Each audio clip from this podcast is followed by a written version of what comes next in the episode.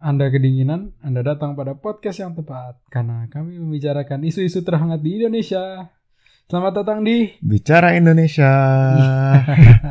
Gila, kenceng sekali saudara-saudara. Gila, kita akhirnya officially pakai opening ini ya. Iya, Cacat banget. Aduh, nggak apa-apa sih, tapi unik unik. unik ya. Unik, Sebuah opening yang unik. unik saja. Gue gua nggak tahu mau ngomong apa lagi sih. Oke, anyway, Anyway, selamat datang di episode yang kelima. Eh, sudah beberapa bulan atau enggak sampai Minggu. bulan. minggu kita tidak update karena ya, sibuk. karena sibuk dengan Iya, ini masing-masing. Bagi yang belum tahu, Adrian ini orangnya sos- sosialita abis. Jadi dia sibuk bersama teman-teman ke sana kemari mencari jodoh. Please jangan ngomong ini, bokap gue denger sumpah. sorry sorry ya. Nggak apa-apa, tapi Ya, jadi Adrian itu sosialita, gengs. Jadi Ya. dia tuh suka pergi bersama teman-teman hingga larut malam. Waduh, bokap lu denger. bokap gue denger ya udah nggak apa-apa. Anyway, Anyway, oke. Ya, Um, gue juga sibuk sih dengan acara-acara gereja dan ya gitu lah. ya komitmen-komitmen yang lain ya Win. Yo, ih, ya makanya. Dan actually hari ini baru sempat bi- eh, bikin lagi podcast. Dan hari ini kita akan membicarakan mengenai politik lagi, Mm-mm. tapi bukan satu kejadian. Jadi Ini lebih mungkin general. Iya, tren yang mungkin terjadi pas Hmm. eh, dua tiga tahun belakangan ini mungkin. Ya. Jadi apakah yang akan kita bicarakan hari ini, Aldwin? Nah, jadi ini tuh berhubungan dengan soal fenomena ya ditemukan bahwa buzzer hmm, di Indonesia itu bisa men- mendapatkan uang pendapatan tetap sebesar 1 sampai 10 juta per bulan. Betul. Nah, itu bagi beberapa orang itu tuh dianggap lebay gitu. Soalnya kayak gila lu Putus-putus. jadi jadi buzzer doang tapi dapetnya bisa kayak 1 sampai 10 juta gitu kayak sama kayak kerja legit. Jadi buzzer kerjanya cuma di Twitter atau di sosial media lah intinya.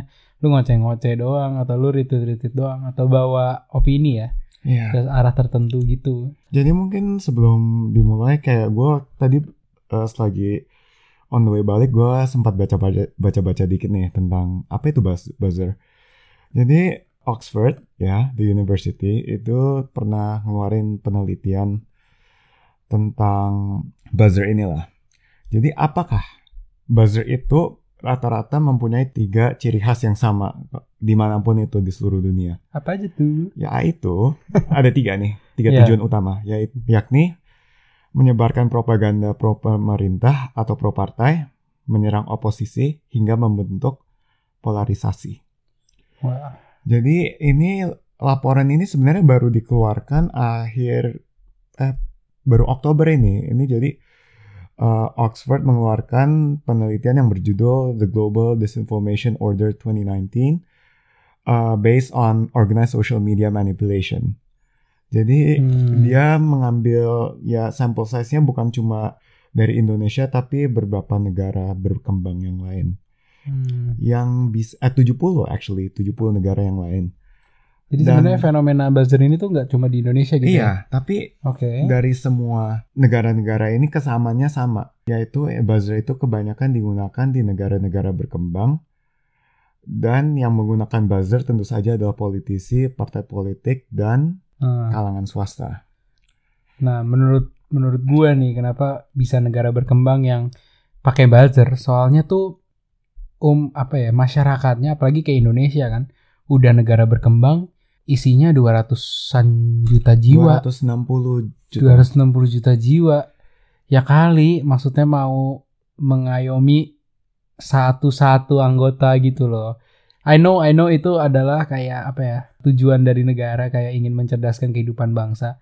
Cuma ya nggak bisa dipungkiri pasti ada satu dua orang yang masih nggak satu dua orang bahkan tapi maksudnya masih ada orang-orang yang gimana ya masih masih terbelakang gitu Bro, sebagai beberapa orang atau segelintir orang. Nah, dengan adanya buzzer ini, jadi bisa diarahkan soalnya masih apa ya, masih belum bisa cari atau mengedukasi dirinya sendiri, terus belum bisa mencari kebenaran sendiri. Jadi lebih percaya kata orang gitu sih menurut gua. Dan ya kita tahu Indonesia adalah negara dengan salah satu negara dengan penduduk yang malas membaca. Eh, iya mungkin bisa Heeh. terlalu kemakan headline mungkin Iya. Jadi ya biasalah eh, sumbu pendek ya. sumber pendek. Biasa kita ngomong sumbu pendek. Jadi orang yang kayak udah baca apa, udah percaya aja dan udah bahkan bukan juga percaya da- dalam kayak dalam diri sendiri udah percaya berita itu, tapi malah menyebar luaskannya gitu ya. Mm-mm. Nah itu yang bahaya sih. Nah paling ya yang kita lagi pengen bahas juga nih masalah buzzer ini tuh kayak sebenarnya ethical gak sih? Buzzer ini tuh di dunia perpolitikan dan demokrasi zaman sekarang. Menurut lu gimana Dri? Ah, jujur ya, karena kalau misalnya kita lihat dari inti buzzer itu, Hmm. itu kan untuk apa yang menggiring opini. Hmm. Menurut gua sih awalnya sih lumayan it's a, it's a noble start yaitu menggunakan sosial media pendukung pendukung sebuah partai politik ter- tertentu untuk ya mem- membawa martabat partainya lebih tinggi atau nggak menjatuhkan oposisi. Menurut gua awalnya mulia. Tapi kalau misalnya sudah karena gue juga di artikel yang sama ini gue baca kalau misalnya uh, buzzer itu sangat it's getting more and more it's more like a business Hmm. hmm. instead of yang tadi lu bilang yang buzzer aja bisa dibayar 1 sampai 10 juta Yeah. rupiah per bulan. Menurut gua kalau sampai ada upaya sistematis untuk menggiring, menjatuhkan, menfitnah Hmm. oposisi atau pihak yang tidak setuju dengan mungkin pemerintah atau pihak oposisi yang menggiring pendapat-pendapat anti pemerintah itu menurut gue udah mulai masuk ke ranah nggak etis. Apalagi kalau misalnya buzzer-buzzer yang diciptakan atau digerakkan hanya untuk memecah belah, Hmm. bahkan bukan untuk mem- untuk menggiring opini.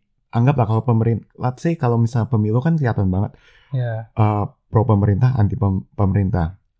Uh, let's say ya konteksnya pas itu Jokowi Prabowo kan. Iya betul. Tapi kalau misalnya udah mulai masuk ke ranah, uh, nah kemarin juga gue juga baru baca artikel ada indikasi kalau kerusuhan yang di Wamena itu dibesar-besarkan salah satunya gara-gara buzzer. Menurut gue itu udah bahkan menurut gue sah-sah saja kalau dipidanakan sih. Iya. Ya masuk undang-undang ITE sih. ya. Iya. Nah, jadi gini, gue bicara dulu ke origin ya. Kan kalau bicara masalah etis nggak etis itu kayak kayak misalnya lu berbuat nggak sopan, kayak misalnya Hmm. lu ngasih pakai tangan kiri, ya etis sih itu ya. Apa ya? Misalnya lu nggak kayak duduk di tempat priority seat lah Ah, gitu. Lu, lu jadi pelakor lah. Oke lah jadi pelakor. Kan itu bicara kayak lu nggak melanggar hukum apa-apa. Hmm. Cuma nggak etis aja gitu ngerti nggak sih Iya. kayak secara moral lu kayak nggak nggak bermoral It's aja not the right thing to do. exactly nah kalau misalnya bicara soal buzzer nih gue ngerasa ah, buzzer itu kan nggak mem- membuat suatu artikel kan kayak dia nggak buat-buat kebohongan loh dia cuma menggiring opini jadi dalam arti mereka tuh nggak nggak melanggar hukum apa apa soalnya di kode etik jurnalistik maksudnya kita eh, punya kode etik jurnalistik itu kan kayak apa wartawan harus independen apa segala macam nah masalahnya wartawan yang buat yang buat artikel itu kan nggak menuliskan berita bohong. Maksudnya akurat gitu fakta-faktanya. Cuma yang jadi masalah adalah buzzer ini tuh kayak menguatkan satu berita gitu kan biar trending Iya. biar trending atau kayak headline-nya dibikin se wow mungkin supaya orang baca headline aja udah percaya gitu. Nah, kalau di udah sampai situ sih menurut gua dalam kehidupan berdemokrasi itu udah mulai nggak etis sih menurut gua. Soalnya kayak apa ya? Kayak dengan menggiring opini kan sama aja lu kayak kayak kalau waktu zaman orde baru lu mengontrol media gitu loh. Hmm, dan media sosial bisa di dalam tanda kutip di abuse atau di langgar. ya dilanggar bisa di abuse lah bisa dibilang. Bisa di abuse dengan cara-cara seperti itu. Makanya dimanfaatkan gitu loh. Ya kan? Maksud gue gini deh. Sekarang kita lihat aja algoritma di sosial media atau di website gitu. Hmm. kalau lu abis cari tiket pesawat gitu kan Ya. atau lu abis cari apa kek terus tiba-tiba advertisementnya munculnya itu semua kan Iya Ya. kan? Mm-mm. Maksudnya algoritmnya udah dibuat seperti itu. Jadi kalau misalnya algoritmnya aja itu diarahkan ke arah tertentu itu menurut gue udah mulai nggak etis karena dalam kehidupan berdemokrasi seharusnya tidak ada tuh kayak maksudnya masyarakat bisa menilai sendiri gitu loh nggak boleh ada yang salah satu lebih kuat dari yang lain di dalam Hmm. sosial media gitu loh Tapi uh, Hmm. kembali lagi ke poin yang tadi lu bilang sih kayak Nah, lu kan ya yang tadi kita kita berdua bilang kita mungkin setuju lah kalau misalnya mungkin masyarakat Indonesia yang umum mungkin kita let's be honest suka kemakan headline. ya Kayak menurut gua the fact that buzzer-buzzer ini kan juga ya ada ada yang menggiring opini, menutupi berita-berita buruk dari sisi oposisi atau pemerintah dengan Hmm. berita-berita baik dari ya pihak-pihak tertentu. Hmm.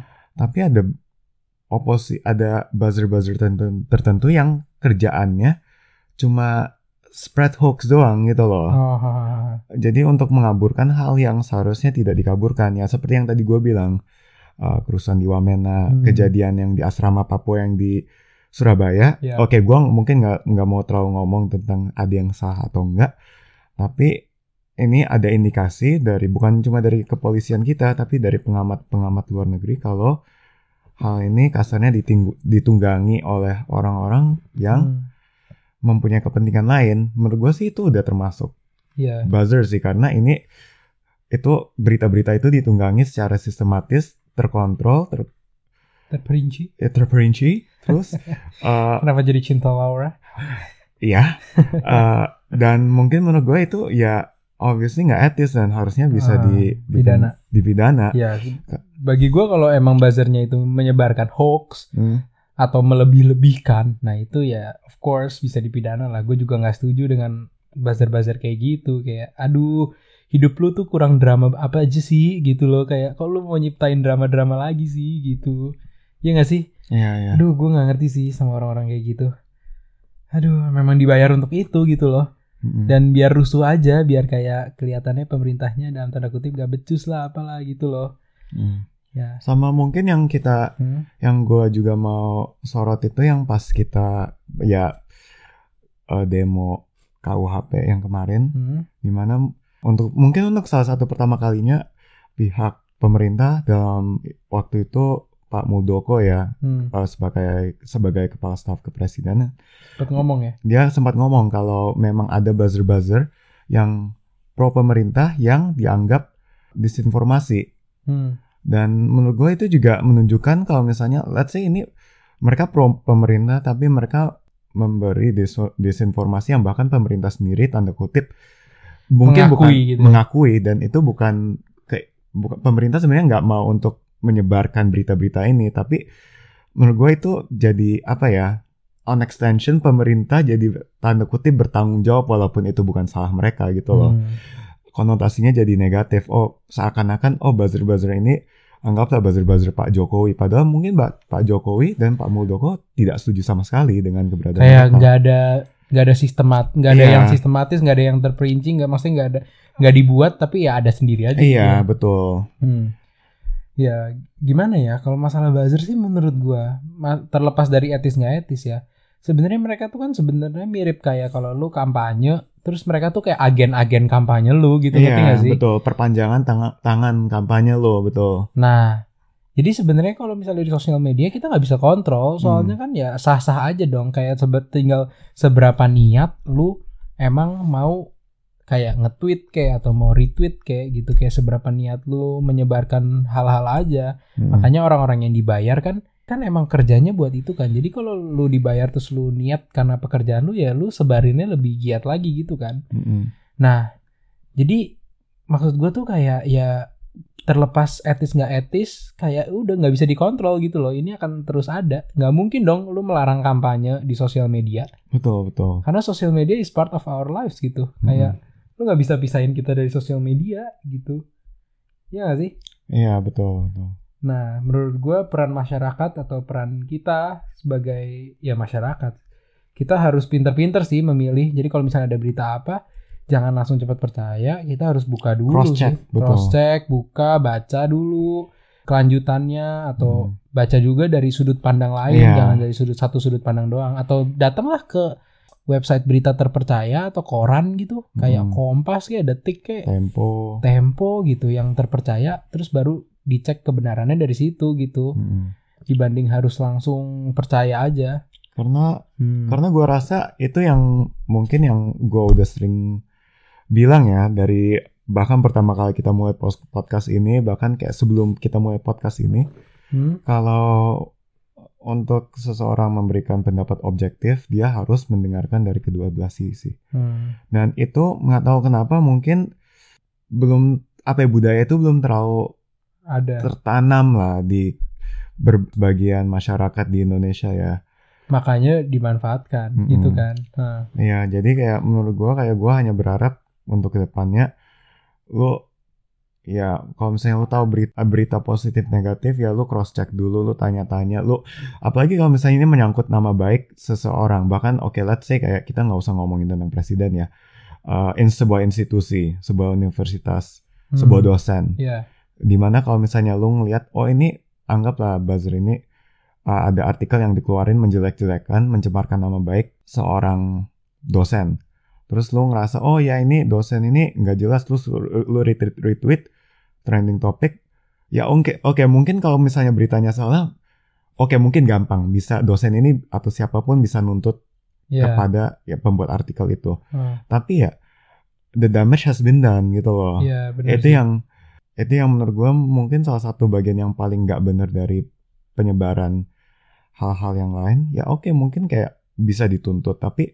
by the end of the day ya lu bakal dikenang sebagai orang yang pernah dituntut karena sebuah masalah itu Hmm. dan mau pengacara lu sejago apa mau lu punya media apa pun Nama stigma baiknya- itu bakal masih Iya. ada nama mau baiknya udah tercoreng kan terlepas atau enggak Hmm. berita itu kebenaran berita itu ya benar atau tidak betul Iya.